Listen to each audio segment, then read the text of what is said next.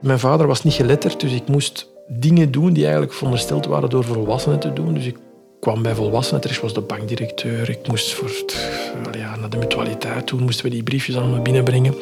Mijn eerste belastingsbrief heb ik ingevuld als ik tien jaar was. Dikwijls kwam ik ook met volwassenen in contact die eigenlijk geen begrip hadden voor de situatie. En die eigenlijk een beetje zelfs neerkeken op u. Je luistert naar Impact, een podcast van Golden Story door mij, Jan van den Broek. Zeven afleveringen lang ga ik in gesprek met ondernemers die de wereld beter willen maken. Ik doe dat in de prachtige historische locatie van restaurant De Chick in Mechelen, in de schaduw van de Sint-Roembouwskathedraal. Dat hoor je aan het leven op de achtergrond. De telefoon, het klaterend servies en af en toe zelfs de Mechelse bijaard. In deze vijfde aflevering zit ik aan tafel met Rachid Etaibi, consultant, auteur, keynote speaker en diversiteitsexpert. We hebben het over inclusief ondernemen. Wat het is, wat het niet is en waarom iedereen erbij wint. Ik ben Rachid Etaibi en in vier woorden kan ik mijn eigen als volgt voorstellen. Vader, echtgenoot, verbinder en ondernemer. Jij bent diversiteitsexpert, jij bent ervaringsdeskundige, jij bent coach, consultant, CEO van je eigen bedrijf, auteur, keynote speaker. Dat zijn eh, een heleboel petjes om te dragen. Ik kan mij voorstellen dat jouw dag er heel gevuld uitziet altijd. Ja nee, eh, dat klopt helemaal. Eh, maar zoals ik er juist ook heb gezegd, ik heb een, we zijn met een gezin van vier kinderen. Mm, Dus bovenop alles wat je gezegd hebt. Dus ja, planning is heel belangrijk. Ik ben ook iemand die heel veel gebruik gemaakt van digitale tools die mij helpen om dingen te faciliteren, te vergemakkelijken. Ik gebruik veel artificiële intelligentie waar mogelijk om veel patches te kunnen dragen en van alles te kunnen doen, effectief. Ehm, de rode draad in het ondernemerschap dat ik eigenlijk doe, is ik wil eigenlijk iets terug doen, iets goed doen. Ehm, in dit verhaal rond diversiteit en inclusie is belangrijk om verbindingen te creëren, mensen dichter naar elkaar te doen, doen eh, groeien. Ehm, dus dat is ondernemen, maar ja, eh, ik doe het zo graag dat je eigenlijk dat er zoveel projecten zijn dat je daar gewoon geen nee tegen kunt zeggen. En, en, en ik, ik behartig ze allemaal met veel plezier. En ik werk ook met veel mensen samen, dus het is een kwestie van veel sturen en delegeren en dergelijke ben ik heel goed in. En daardoor komt alles eigenlijk goed. Ja, je bent Belg, Marokkaanse roots. Je vertelde net een heleboel ervaringen die ertoe geleid hebben dat je vandaag doet wat dat je doet. Hoe bepalend is die ervaring voor wat dat je doet en de manier waarop dat je het doet? Heel bepalend. Hè. Dus al die negativiteit die ik heb meegemaakt en een bepaald moment, zoals ik er juist heb gezegd, eh, ik zat heel diep als ik 16, 17, 18 was. En ehm, wat ik dus eigenlijk heel veel gedaan heb vroeger is, ik heb heel veel gelezen eigenlijk. Ik, ik ging naar de bibliotheek en ik heb boeken verslonden omdat ik toch niet uitging. Ik had geen vrienden, ik zat veel thuis. Dus ik had eigenlijk ook een soort van imaginaire wereld, een parallel wereld in mijn hoofd gecreëerd die eigenlijk, ja, waar alles perfect was. Waar al die problemen waar ik mee te kampen had niet bestonden, op alle vlakken. Eh, de samenleving ging veel vlotter. eh, maar ik had bijvoorbeeld een partner. Want ik was toen ook zo introvert en mensenschuw dat ik mensen gewoon niet in de ogen durfde kijken. Eh, eh, ik woonde in een deftig huis. Wij woonden toen in een krot. Dus alles wat fout liep, ging goed in die wereld. En ik heb er eigenlijk altijd naar gewerkt om datgene waar ik toen van, van gedroomd heb, om dat de realiteit te maken. Ik moet eerlijk zeggen, in alle bescheidenheid lukt mij dat heel goed. Het grootste werk is eigenlijk ja, de wereld rondom mij, om daar ergens vat op te hebben, om daar ergens een beetje ja, te bemiddelen, zullen we maar zeggen. Want ik heb ook voor veel VZ2's gewerkt om ja, de mensen dichter naar elkaar te doen, toe, doen eh, groeien. En dus ik heb eigenlijk met de ene voet hier geleefd in de samenleving. Ik voelde mij perfect thuis. Ik ben zo perfect geïntegreerd. Ik heb een heel moeilijke jeugd gehad. Maar dat was ook uh, mijn sterkte. Want uiteindelijk was ik de enige met een migratieachtergrond, zowel in het lager als in het secundair. Maar dat heeft er ook voor gezorgd dat ik perfect geïntegreerd was. Ik ging ook naar een katholieke school, ik ben naar de kerk geweest. Wat mij enorm veel opviel, is dat we eigenlijk veel meer gelijkenissen hebben dan, dan, dan tegenovergestelde. En dat vond ik altijd zo jammer, dat, dat de afstand tussen de, de gemeenschappen zo groot was. En dan hebben we proberen ja, de, die dichter aan elkaar te doen, doen eh, groeien. En Ja. dat is eigenlijk hetgeen wat ik nu doe op, nu eh, wat betreft het ondernemerschap. Wel, je, je zei net, hè, ehm, je hebt voor VZW's uh, eh, gewerkt. Uh, vandaag bestempel je jezelf als, als ondernemer, mhm. onder andere mhm. als ondernemer. Um, je kiest het ondernemerschap om vanuit die ervaring iets terug te geven, een positieve impact te creëren. Waarom het ondernemerschap? Omdat ik eigenlijk dus ten eerste, om even een, verhaal, een lang verhaal kort te maken. Als ik ben gaan solliciteren, als ik afgestudeerd was, ik wist van er is discriminatie. Eh, mensen met mijn roots hebben 50% meer kans. Als een, iemand een cv binnenkrijgt met een exotische naam, heeft hij 50% meer kans dat hij in de vuilbak belandt. Ik was niet van plan van tientallen brieven te sturen. Dus ik heb eigenlijk gericht gaan zoeken naar bedrijven waar ik zou geaccepteerd worden. Bedrijven met een diversiteits- en inclusiepolicy, om u tegen te zeggen. En dat was eigenlijk een onderzoek naar alle afgestudeerden. En ik ben uiteindelijk geland bij een twee, drietal bedrijven. En ik heb eigenlijk maar drie keer gesolliciteerd, waarvan twee keer bij hetzelfde bedrijf. Dus ik ben in een bedrijf terechtgekomen ja, dat was de eerste dag. Die supervisor roept mij binnen en hij zegt: Rashid, zet u. Ik weet dat je moslim bent. Ik weet dat jullie een paar keer per dag bidden. Als je dat wilt doen, zoek u een kantoortje en doe uw ding gewoon. Ja, dat was fantastisch gewoon. Ik heb het nooit gedaan, uit respect, maar dat gaf u direct een thuisgevoel. En ik heb nooit ergens anders gewerkt, alleen bij die werkgever, omdat ik daar zo aanvaard was, zo thuis was. Ik kon mijn ding doen, ik kon naar innovatie toe meedenken enzovoort. Dus dat was eigenlijk fantastisch. En ik heb ook meegeholpen aan de DNI-policy, uh, eh, actief. Ik was ook mm vertrouwenspersoon, dus ik nam het op voor de mensen die meldingen uh, doorgaven en dergelijke.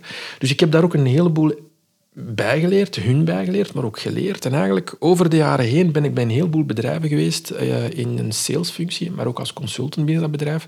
En ik zag dat het fout liep op de, op de, op de werkvloer. Er was geen cohesie tussen de werknemers en uh, je zag dat er echt veel lacunes waren wat betreft diversiteit en inclusie. En dat heeft mij ertoe gebracht van oké, kijk, de samenleving is heel divers, maar we zien dat niet terug op, in het ondernemerschap. En daar wil ik iets in betekenen.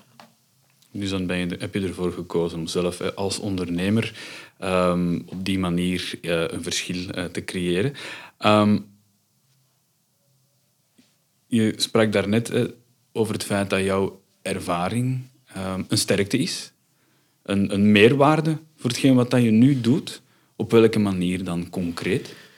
Wel, als je bepaalde dingen meemaakt aan, aan, de, zelf, dus eigenlijk ja, ervaringen meemaakt, uh, dan kan je daar op verschillende manieren mee omgaan. En dus ik heb altijd op een bepaald moment beslist van ik ga van iets negatiefs iets positiefs maken. En want ik zag ook bij heel veel jongeren in onze gemeenschap dat het fout liep. Dus het negatieve, dat stapelde zich op en dan, dat, dat, dat kwam niet goed ook. Maar ik wou van het negatieve iets positiefs maken. Als we daar nu eens lessen uit trekken en we delen dat met de buitenwereld en we maken hun duidelijk van zo loopt het fout en we kunnen daar iets aan doen. En initieel ben ik begonnen met keynotes te geven. Ik doe heel veel aan storytelling en dat slacht echt aan. Dus mensen hebben daar oren naar. En mensen ook doen bewust worden van oké, let op voor onbewust vooroordelen. Want dus je verhaal zelf, of je ervaring zelf, is al een grote meerwaarde. het feit dat je dat in een story kan uh, steken, dat je aan storytelling kan doen en vanuit dat perspectief ehm, die zaken proberen te veranderen. Absoluut, absoluut. Nu, ik spreek ook niet enkel in naam van mensen met een migratieachtergrond, want diversiteit en inclusie is op alle vlakken.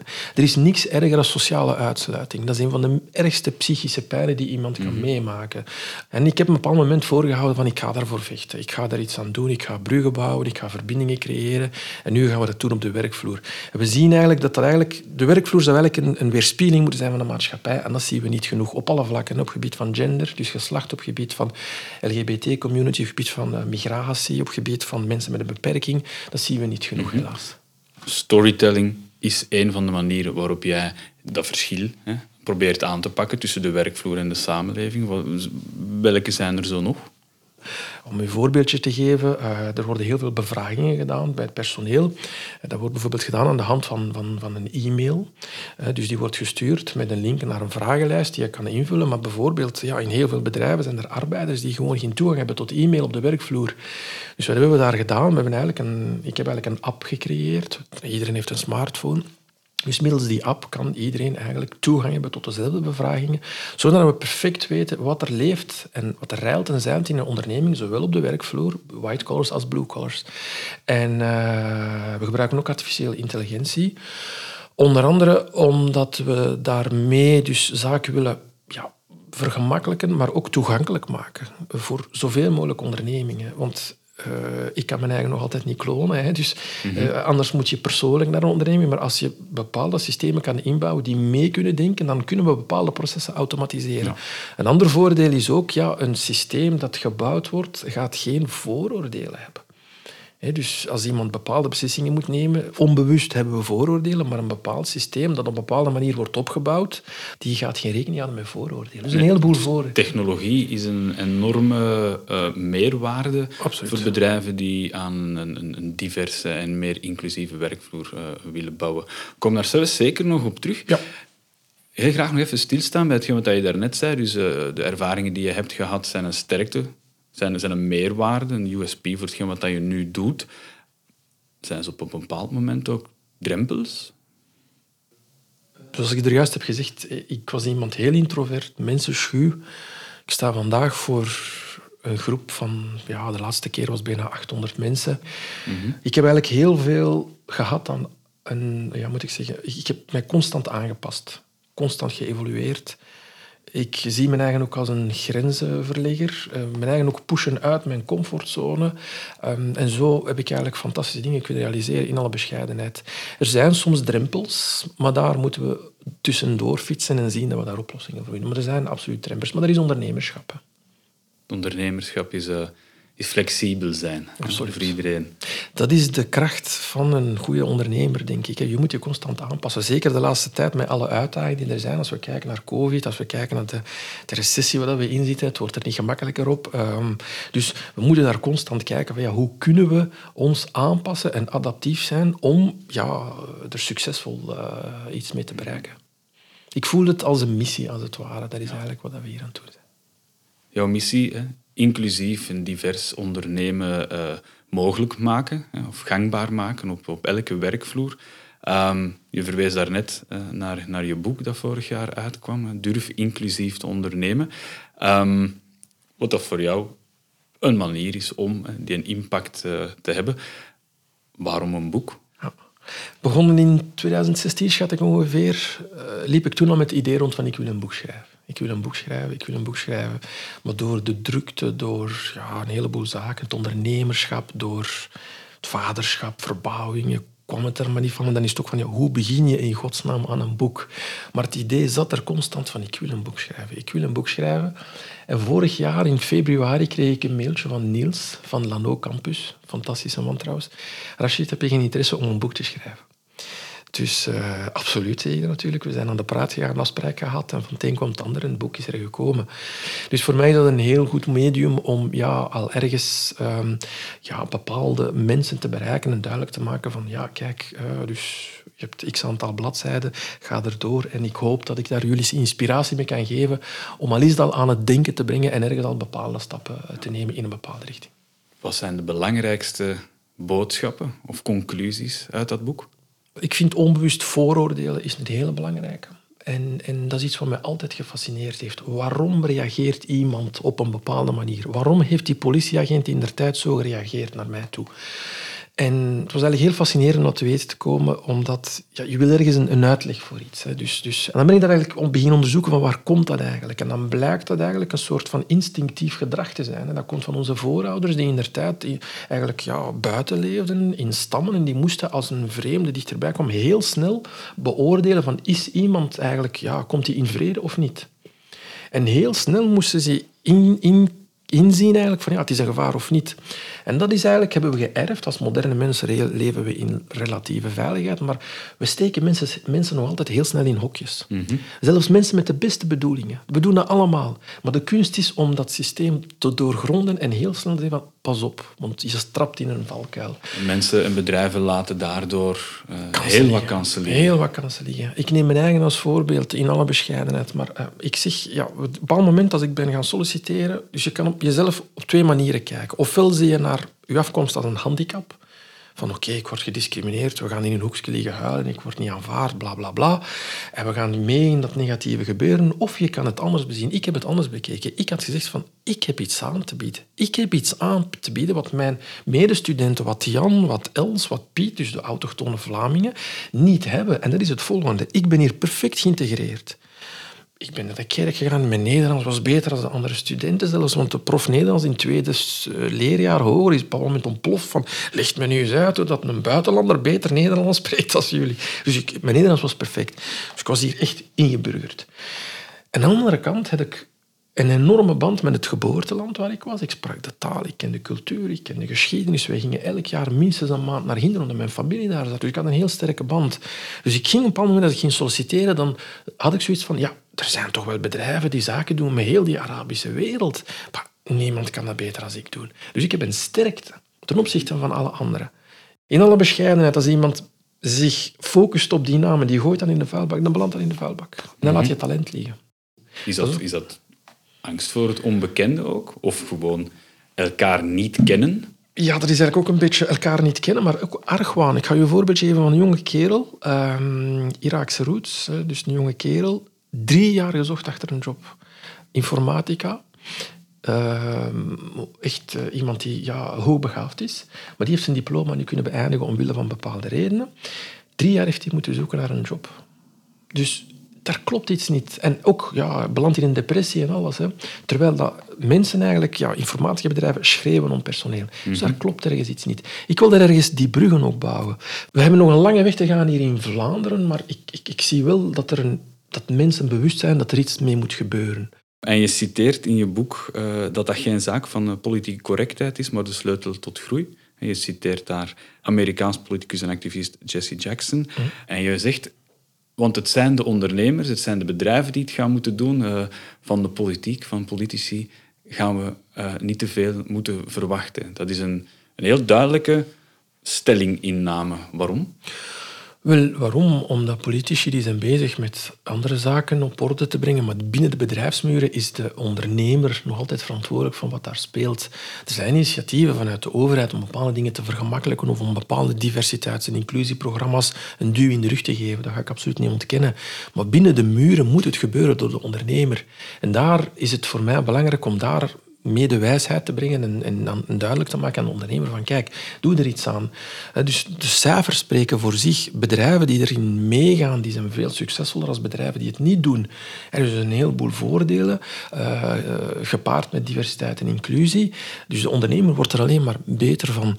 Uh, maar pak nu bijvoorbeeld, we gaan naar Antwerpen. Ondertussen is meer dan één op twee in Antwerpen zijn mensen met, met, met een migratieachtergrond. Mhm, mhm. Als we dan in uw onderneming gaan kijken in Antwerpen, we zien daar 100% Vlamingen, dan klopt er niet.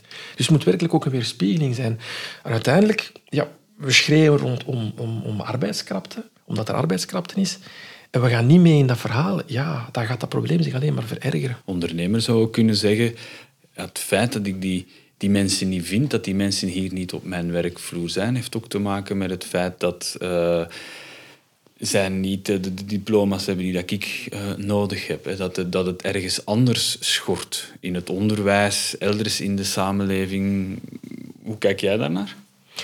Wel, ik denk dat er genoeg um, ja, moet ik zeggen, instellingen zijn of mogelijkheden zijn om mensen bij te scholen. Uh, ik ga een heel schoon voorbeeldje geven. Onlangs een, onderneming hier in Mechelen, in de IT. En die man die heeft mij gezegd van, kijk, mensen, ik wil graag mensen aannemen. Um, van eender welke origine, geaardheid, maakt mij absoluut niet uit. Ze hoeven geen diploma's te hebben, want wij zullen hun wel scholen. Zolang de mentaliteit er maar is en de wil om te doen wat we hier doen. En ze doen het graag, sta ik erachter om die mensen te scholen en ervoor te zorgen dat ze, dat ze mee zijn. Dus we moeten er ergens een beetje die oogkleppen uh, wegdoen. En, en het diploma is eigenlijk maar een papiertje op zich. Het is de persoon daarachter en de wil. En er zijn oplossingen om mensen in een bepaalde richting te duwen. Jij leidt bedrijven naar meer inclusie, naar een inclusievere werkvloer. En het is duidelijk dat dat verder gaat dan louter je deuren openzetten of noodgedwongen mensen van kleur aannemen, bijvoorbeeld. Wat is inclusie volgens jou wel? Wat is dat echt? Uh, inclusie wil werkelijk zeggen dat we iedereen betrekken. Diversiteit is eigenlijk een verscheidenheid. Dus dat je inderdaad een weerspiegeling van de maatschappij, dat je eigenlijk mensen alle kansen geeft om, om, om binnen de onderneming te werken. Maar daar houdt het niet op. Inclusie wil inderdaad zeggen dat we iedereen betrekken in het hele gebeuren. Zoals Ferna Myers het heel mooi zegt, dat is eigenlijk van diversiteit is eigenlijk mensen uitnodigen naar een feestje en inclusie is mensen uitnodigen om te dansen. Echt actief participeren in het ondernemerschap. hè. Uh, of, of ik bekijk het ook als volgt. hè. Dus als je bijvoorbeeld allemaal losse ingrediënten pakt, zoals bloem, zoals suiker, dat zijn mooie ingrediënten op zich, eh, vanille. Uh, maar als je die samenbrengt, of er iets van maakt, kun je een prachtige taart uit, uithalen. Dat is dan inclusie. Dus die samenhang, dat kan fantastische resultaten geven. Dus mensen, hè, zoals bij mij in mijn geval, ik mocht meedenken in die onderneming waar ik ben aangenomen geweest. Ik mocht mijn ideeën naar voren brengen, dingen verbeteren.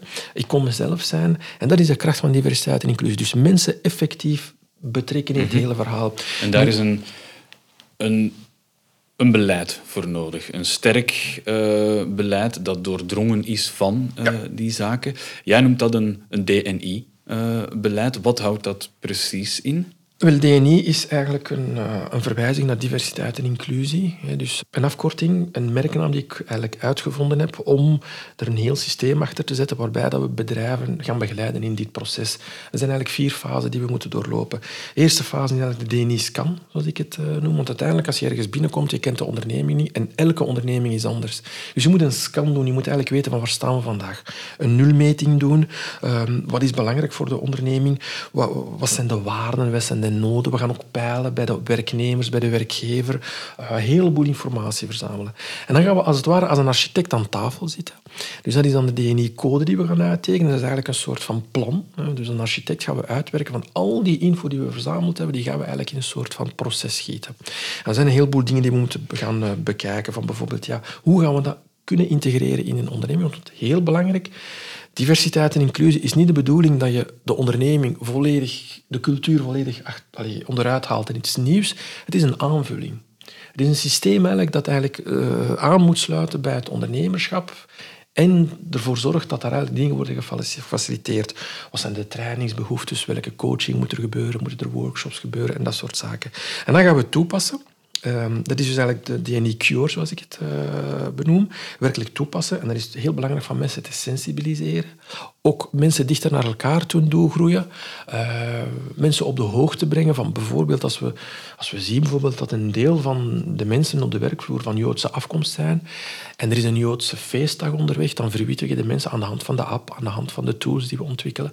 Van die dag is er een feestdag, vergeet niet om je collega's te feliciteren. Naar het management toe, pas op, een goede, een goede periode van tevoren, bijvoorbeeld vier weken, er komt een feestdag aan. Zorg dat je jouw, mm-hmm. jouw, jouw, jouw, jouw ploegen erop afstemt en zo verder.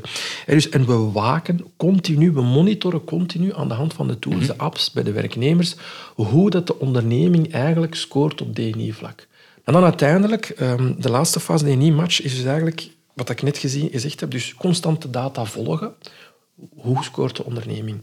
Want je mag het niet lanceren, want dat is een fout. Er wordt heel hard gewerkt, het wordt geïmplementeerd en dan, we kunnen niet gaan rusten en zeggen van alles loopt. We moeten constant zien dat het eigenlijk... Uh, een never-ending story. Een never-ending never story, absoluut. En dat is eigenlijk de laatste fase. En we gaan ook kijken naar KPI's, hoe scoren we. Dus een heleboel data waar we iets mee doen. We waken eigenlijk over het feit dat we, uh, dat we, dat we eigenlijk correct het ondernemerschap doen aan de hand van DNI. Mm-hmm. En als we daarin slagen, dan wordt dat label aangekoppeld. Dus dat zijn de vier fasen die we, die we doorlopen. En elke onderneming is heel anders. Mm-hmm. Dus dat is in functie van... Er zijn ondernemingen die al bepaalde stukken rond diversiteit en inclusie toepassen. Ik heb zo'n voorbeeldje en die mij contacteren en zeggen van Rashid, wij zijn ten einde raad, we weten niet goed, wat kunnen we nog doen? Kan je eens komen kijken en zien welke gaten er nog moeten ingevuld worden? Ja, dan is dat een heel ander proces natuurlijk. En dat zijn ook meestal ondernemingen die veel sneller een, een label gaan bereiken, omdat ze al bepaalde belangrijke stappen ondernomen hebben. Dus elke onderneming is echt anders. En daar zit een beetje de valkuil. We kunnen niet zomaar een, een charter kopiëren, aan de muur hangen en vier zeggen van wij hebben een DNI. Geen one size fits all. Het is nee. eigenlijk altijd maatwerk. maatwerk. En een heel intensief uh, proces waarin dat je ondernemingen en de mensen die daar werken hun, constant hun grenzen moeten verleggen. Je bestempelde jezelf daarnet ook als, uh, als grenzenverlegger. Um, wat bedoel je daar precies mee? Over welke grenzen gaat het dan? Wel, als we een successtory willen maken van diversiteit en inclusie, is aanpassingsvermogen heel belangrijk. En alles begint bij de ondernemer zelf of bij het management. Als die niet 100% achter het verhaal staat, dan houdt het op. Dus daar begint alles mee. Dus we moeten zien dat die man ook... Ja, daar is een aanpassingsvermogen nodig. Ik krijg heel dikwijls te horen... Rashid, als witte Vlaming weet ik echt niet hoe dat ik daarmee moet omgaan. Hoe moet ik daar naar kijken? Wat kan ik zeggen, wat kan ik niet zeggen? Kwets ik mensen als ik bepaalde dingen zeg? Of kwets ik ze niet? En zo verder, en zo verder. Dus je moet daar een heel andere ingesteldheid hebben. En dat is iets wat je ingesteldheid hebben. En dat is iets wat je aan moet werken. Mhm. Het voorbeeld rond empathie. Ik heb mensen die zeggen van Rashid, ik ga niet meedoen aan dat wishy-washy gedoe. Het gaat daar niet over, maar het gaat over uh, inlevingsvermogen. Mhm. dus, dus, dus, en, en dat is eigenlijk een, wat ik eigenlijk probeer, ik probeer het heel toegankelijk te maken. En dat is eigenlijk vrij simpel. Zet u in de schoenen van een persoon tegenover u. Als je aan het praten bent met... Ik ga u een heel mooi voorbeeldje geven van een onderneming. Um, dus een, een, dame dat daar werkt, de late ploeg, batterij van de wagen plat, startte niet, moest naar huis. Um, en uiteindelijk was ze zoveel uur later, omdat ze niet op tijd konden komen en dergelijke. Ze de, de ondernemer hoort dat verhaal. En binnen een week hing er een bord aan de muur met uh, startkabels, met met een fietspomp, met een kit om je lekke banden te herstellen. Dat is een heel mooi voorbeeldje waar je kan zien, maar kijk, die onderneming hoort dat verhaal. Die vrouw kon niet op tijd bij haar kinderen zijn, die, liggen al, die lagen al in bed. We gaan er iets aan doen. We zorgen dat er startkabels zijn. En daar wordt gebruik van gemaakt. Dat wordt enorm geapprecieerd ook. Mhm. Want dat geeft ook mee van, kijk, de ondernemer denkt mee met ons, die is begaan met ons. Mensen... Ik kan me voorstellen dat het misschien makkelijker is om jezelf in te leven in iemand van wie de batterij uh, van de auto plat is, als in iemand die uh, een hele jeugd lang uh, discriminatie heeft meegemaakt omwille van een beperking of omwille van afkomst. Absoluut. Nu, dat vraag ik ook niet. Dus het belangrijkste, dus ik probeer mensen daar gewoon mee te sensibiliseren. En ergens duidelijk te maken van, kijk, het kan heel ver gaan. Bij mij is het goed gekomen, maar ik kan u zeggen, er een heleboel jongeren waar het echt fout is gelopen, die in depressies belanden, die ook uh, ja, in de negativiteit, die, af, die zich afkeren tegen politie, waardoor dat je, als er uh, ja, rellen zijn of zo, dan komen die naar buiten om al in frustraties buiten te, uh, van zich af te gooien. Als jongeren tientallen keren solliciteren en ze krijgen geen kansen, ja, dan revolteren ze. Dus de, ik heb het geluk gehad dat ik daar mhm. positief mee ben omgegaan. En dat is de boodschap die ik daarmee wil brengen. Dus ik vraag u niet van zich in die schoenen te zetten, maar wel mee te leven met de ondernemer. Er bijvoorbeeld een arbeider eh, die op de werkvloer, die elke dag in de koude staat te werken, in de nattigheid, ja, zet u in de schoenen van die man. Mhm. Voel eens een beetje wat dat hij allemaal moet doormaken. Draai jezelf een dag mee. Jij verwees al een aantal keer naar, naar de app hè, uh, en, en het geloof dat je hebt in, in technologie. Kan je dat even meer toelichten? Ja, dus wat is eigenlijk de achtergrond in dat verhaal? Ik heb ook een IT-achtergrond. Um, ehm, ik hou van automatisatie, vergemakkelijken van zaken. En um, die tools die zijn eigenlijk ontwikkeld ten eerste om zoveel mogelijk mensen te bereiken binnen een mhm. onderneming. Dus of je er nu 10 hebt of 500 of 1000, die kan ze allemaal bereiken op een hele gemakkelijke manier. Aan de andere kant, iedereen heeft een smartphone. Uh, een app is heel snel geïnstalleerd aan de hand van een QR-code. En uh, dan heb je een onboarding-proces, dus de mensen gaan een heleboel vragen krijgen. En, en, aan de hand van die vragen kunnen we een heel mooi zicht krijgen, volledig GDPR-proof, dus volledig uh, in orde, volledig anoniem ook. Maar je kan dan, we hebben dan een heel mooi beeld van waaruit bestaat de onderneming? Op alle vlakken. We gaan mhm. vragen, ja, tot welk ras behoor je? Wat is je geaardheid? Dus allemaal heel gevoelige vragen, maar volledig anoniem. Waardoor we echt weten, van, ja, wat leeft er en wie, wie hebben we aan boord van de onderneming? En dan kan je daar ook specifiek op, op iets doen met die data. Als we op een bepaald moment de conclusie komen dat ja, bijvoorbeeld een bepaalde doelgroep zich, zich, zich niet goed voelt of dat er ehm, aan de hand van de bevragingen dat we zien van ja, daar klopt iets niet, dan moeten we daar specifiek iets aan mhm. doen. Dan kunnen we doelgericht gaan werken.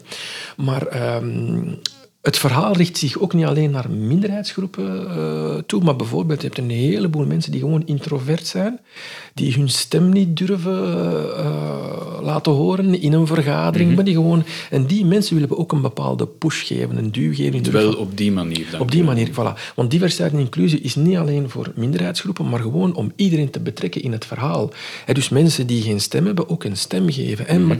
en eigenlijk, wat ik extra wil meegeven, dat is eigenlijk een techniek of, of een, een dingen die komt vanuit mijn cultuur. En we spreken van NIA. En NIA is eigenlijk ehm, het geloof in iets. Het geloof in een, een gemeenschappelijk doel om iets te mhm. bereiken. En dat kan je op je eigen doen, maar ook in groep. Ehm, en ook weer daar, we gaan verwijzen naar de voetbal als we kijken. Uh, dat is eigenlijk inherent iets van onze cultuur, van waar ik vandaan kom in Marokko. Is Marokko heeft fantastisch gescoord dit jaar op gebied van voetbal. En dat is eigenlijk omwille van hetzelfde principe. Hè. Dus allemaal voor hetzelfde doel gaan, geloven in het onmogelijke, geloven in, in uw eigen, dus uw eigen eigenlijk op naar een hoger niveau tillen. Betekent dat dan niet dat um, voor je met zo'n app aan de slag kan gaan, dat je je medewerkers echt effectief moet betrekken bij het stellen van je bedrijfsdoelstellingen. Absoluut. En, en wat not, dat je ze echt inspraak moet geven al ver voordat de app uh, gelanceerd wordt? Wel, voordat ze echt uh, aan boord gaan, krijgen ze een onboarding uh, verhaal waarin dat we alles toelichten en, en uh, waar ook waarvoor het de onderneming wil gaan, dat ze heel goed weten wat ze aan beginnen. En verder zijn er dus, ja, we hebben online trainingcourses en dergelijke waarmee dat we ondernemingen of, of iedereen -hmm mee kunnen krijgen in het verhaal. Waar nodig ga ik persoonlijk het personeel toespreken. Al dan niet aan de hand van een keynote, al dan niet van, aan de hand van een workshop. Afhankelijk van de mhm. noden van de onderneming. En in functie daarvan kunnen we... Maar het is eigenlijk andersom. We gaan eerst bevragen om te zien van wat is er allemaal mhm. nodig. Om de mensen mee te krijgen in het verhaal. En in functie van wat er moet ingevuld worden, vullen we dat aan. Dus het is echt maatwerk om te zien hoe of wat. Maar het is heel belangrijk dat we inderdaad iedereen mee aan boord krijgen. Wat bijvoorbeeld ook bijvoorbeeld in de app heel belangrijk is, die onderneming waar ik van sprak, daar werken bijvoorbeeld heel veel Afghanen. Eh, dus die mensen die spreken geen Nederlands, hun Engels is gebrekkig. Wel, die app die gaat eigenlijk alles vertalen in het Pashto. In hun lokale taal. Want het is heel belangrijk dat ze perfect, heel goed weten wat we van hun verwachten. Alles begint met communicatie en iedereen moet mee zijn in het verhaal. En als mensen niet mee zijn, hebben ze de mogelijkheid om vragen te stellen totdat we iedereen meekrijgen. En eigenlijk loopt dat vrij vlot in die zin, want we zeggen van kijk, als we iedereen meekrijgen, verbetert uw situatie. De werknemer of de werkgever gaat eigenlijk uh, investeren in een proces dat u het leven gaat beteren, dat u een plaats gaat geven in de onderneming, inspraak, allemaal onder, in een respectvolle manier mhm. omgaan met elkaar. En dat wordt geapprecieerd. En dan blijft natuurlijk nog de noodzaak om um, met al wat in die app komt ook echt iets te doen. Absoluut. Um, hoe, hoe verzeker je dat? Dat is aan ons werk. Hè. Dus, dus alles wat binnenkomt. Um, initieel nu, zoals gezegd, artificiële intelligentie gaat daar bepaalde sturingen geven, maar wij volgen dat mee op, dat de zaken daar goed verlopen, dat ze correct verlopen. Ik ga je een heel schoon voorbeeld geven. In bepaalde ondernemingen zaten we met 30% mensen uh, die moslim waren. En ja, die zijn met hun werk bezig. Op een bepaald moment verdwenen mensen, die gingen bieden en die kwamen terug zonder goedkeuring van hun werknemer, werkgever. Wel, wat hebben we daar gedaan? We hebben een stille ruimte ingericht. En er wordt afgesproken, tijdens de pauze mag je daar gaan, gaan je gebed doen. Maar een stille ruimte, ook mensen die willen mediteren, uh, yoga, whatever, dat kan gerust gedurende een bepaalde periode. Wordt enorm geapprecieerd. Mensen verdwijnen niet zomaar. En wat je ziet is het engagement stijgt. Dus de bedrijfsresultaten zijn beter, omdat er naar de mensen wordt geluisterd. Mhm. Dus ergens krijgen we de mensen zo heel vlot mee.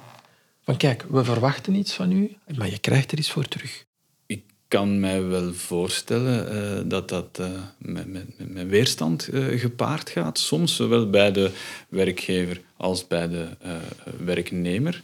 Hoe pak je zo'n transitie eigenlijk aan en hoe zorg je er eigenlijk voor dat je tot echt een gedragen transitie en een gedragen DNI-cultuur komt?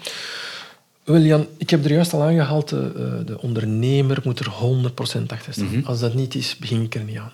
Nee, dat, is de, dat is de, dat de voorwaarde. Dat is de voorwaarde, want uiteindelijk begint daar alles. De ondernemer is de persoon die erin gaat investeren met een verwachting om iets terug te krijgen. Dus we daar al voelen van het, het, het, het, het loopt niet vlot of die gaat niet mee in het verhaal. Ik moet eerlijk zeggen, ik heb het nog nooit meegemaakt. Mhm. Want mensen die mij contacteren, die zijn er echt van overtuigd van daar... Die hebben een nood en die hebben een overtuiging. Ja, ik ga nooit ergens binnenstappen en zeggen van kunnen we dat niet proberen om je onderneming? Want als, als de wil er niet is, dan, dan, dan loopt het niet goed. Ik wil mensen sensibiliseren aan de hand van de tools van kijk, het is noodzakelijk en je onderneming gaat er beter van worden. Maar om ergens binnen te stappen en zeggen van meneer of mevrouw, we moeten hier gaan investeren in diversiteit en inclusie. Oh, we gaan dat proberen, dat werkt niet. Dus daar begint het mee. Hoe belangrijk is leiderschap? Heel belangrijk. Dus zoals gezegd, uh, daar begint alles mee Een heel mooi voorbeeld dat iedereen kent, Albert Heijn bijvoorbeeld. Albert Heijn doet enorme inspanningen wat betreft diversiteit en inclusie. Als je daar binnenloopt, ja, dan zie je daar uh, een heel mooie mix van mensen met een andere achtergrond, uh, alles door elkaar. Dat kan daar perfect. Je ziet daar vrouwen met een hoofddoek. Uh, als het bijvoorbeeld een bepaalde feestdag is, de Ramadan bijvoorbeeld, staat er een stand met Happy Ramadan, met etnische producten en dat soort zaken. Vorig jaar is in Nederland weliswaar, in België nog niet gebeurd, maar daar doen ze een, een, een verbreking van de Ramadan van de vaste. En dat wordt heel de buurt uitgenodigd. Mm Moslim en niet-moslim. Fantastisch. Dus je moet wel in staat zijn, ook als leider, om mensen eh, daar, daarom, daarvoor te engageren, hè, iets in beweging te zetten. Wat zijn volgens jou de, de essentiële aspecten, eigenschappen van een leider vandaag? Um, in, een, in een super diverse samenleving? Wel, dat is, ja, we hebben het al een paar keer aangehaald. Dat is uh, echt open-minded. Mhm. Empathie is en blijft mhm. belangrijk. Uh, letten op de valkuilen. Dus we moeten zien dat we niet bepaalde valkuilen, zoals het onbewust vooroordelen, uh, en ook in die schoenen zetten van de persoon tegenover u. Zorgen dat er communicatie is. Zorgen dat je verbindingen creëert met de mensen. Dat je meeleeft. Ik ken bedrijven waar, waar, waar de werknemer amper een goede dag of een goede morgen zegt. Of zelfs nog erger, tegen bepaalde mensen wel en andere mensen niet. Dat is mhm. zo nefast. Um, en, en, en ook dat hij gaat spreken met de mensen. Ik heb heel lang in de carrosseriewereld rondgelopen, als salespersoon, maar ook als financieel consultant. Meer dan tien jaar. Dat is echt een mannenwereld. Ik heb op die tien jaar drie bedrijven gezien waar vrouwen werkten. En die leverden fantastisch werk af. Want die, dus bij, in de carrosseriewereld moet je heel veel schuren. Dat was minutieus, dat was perfect. En toch zien we daar heel weinig vrouwen. Maar het is een macho-wereld, het is een mannenwereld. En als je met die vrouwen gaat praten, omdat dat mij natuurlijk aangaat en boeit, dan zie je van die drie zijn er twee die zich niet gelukkig voelen. En dan is het ook de rol van de ondernemer van ga praten met de mensen, kijk wat er leeft, want voor hetzelfde geld gaan ze weg. En dan heb je iemand, ja, moet je weer gaan zoeken achter mensen, maar zie dat die mensen zich goed voelen. En als mensen zich niet goed voelen, moeten we gaan onderzoeken waarom. En hoe kunnen we daar iets aan doen? Mhm. En die betrokkenheid is heel belangrijk. Betrokken leiderschap. Heel belangrijk. En daardoor ook, dus het gedragen, de gedragen cultuur is niet alleen door, door, door, door de leiders, of dus de ondernemer, maar ook de werknemers allemaal. Mm en dus ze moeten in staat zijn, een voorbeeld om terug te komen, de carrosseriewereld. Bijna overal waar je komt zie je pin-ups, blote vrouwen. Als vrouw zijnde voel je je daar ongemakkelijk bij. Als die daar hangen, doe die weg. Want die vrouwen kwamen daarmee af. En eigenlijk zijn we, sorry dat ik moet zeggen, redelijk egoïstisch. Want als je in de schoenen zit van die vrouw, dan weet je dat direct, dan begrijp je dat. En dan hou je daar rekening mee. Dus het moet echt gedragen worden door iedereen. En een heel simpel ding is ook, iedereen verwacht respect van de andere partij. Wel, doe hetzelfde ook. Mhm. Ik heb een heel simpel principe gehad, heel mijn leven, doe bij een ander niet aan wat je zelf niet graag hebt. Dus waarom moeten we er zo mee omgaan? We hebben allemaal onze, onze verantwoordelijkheid. Iedereen heeft nu al heel vaak, heel, heel, heel, de tijd gehad over uh, wat kan de leidinggevende doen, wat kan de ondernemer doen, maar ook uh, de mensen op de werkvloer hebben daarin een rol te spelen, een, een opdracht te, vervullen. Wat kan ieder van ons gemakkelijk doen uh, om, om mee te werken aan die inclusieve werkomgeving? Het allereerste, en wat dat volgens mij heel gemakkelijk is, is het de communicatieprocessen die we voeren. De manier hoe dat we spreken met anderen. En ik blijf het terug zeggen, zet u in de schoenen van een andere persoon om een beetje mee te leven, duidelijk te maken. Allee, uh, heb ook begrip voor mensen. Zie ook dat je mensen niet kwetst. Dus door bepaalde dingen te zeggen, heb daar respect voor. Uh, en dat is, dat is niet eenvoudig altijd, omdat mensen vanuit hun bril kijken naar bepaalde zaken. Maar dat kan je alleen maar aanvoelen door, door, door, door, door in de schoenen te staan we gaan altijd fouten maken, denk ik dan. Ik denk dat het niet altijd even gemakkelijk is om te weten wanneer kwets je, wanneer niet. We gaan dat waarschijnlijk wel eens dat doen. Kan, absoluut. Wat dan? Dat kan gebeuren, dat is menselijk. Maar dan is het ook heel belangrijk van een dialoog te hebben, van daar open voor te staan. Als je akkoord gaat met een charte binnen een onderneming, dan ga je er ook mee akkoord om dat mensen ook zeggen van sorry, maar ik apprecieer dat niet.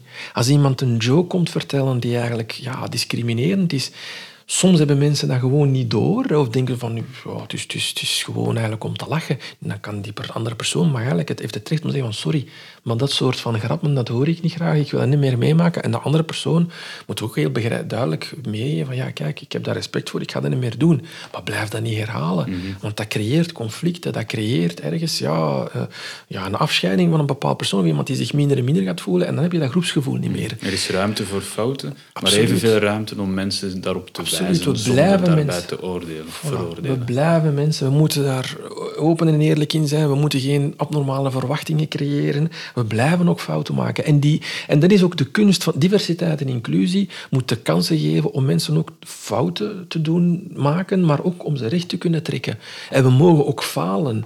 Want dat is een heel groot probleem in ondernemingen. Mensen ehm, verbergen dingen omdat ze schrik hebben voor de represailles van...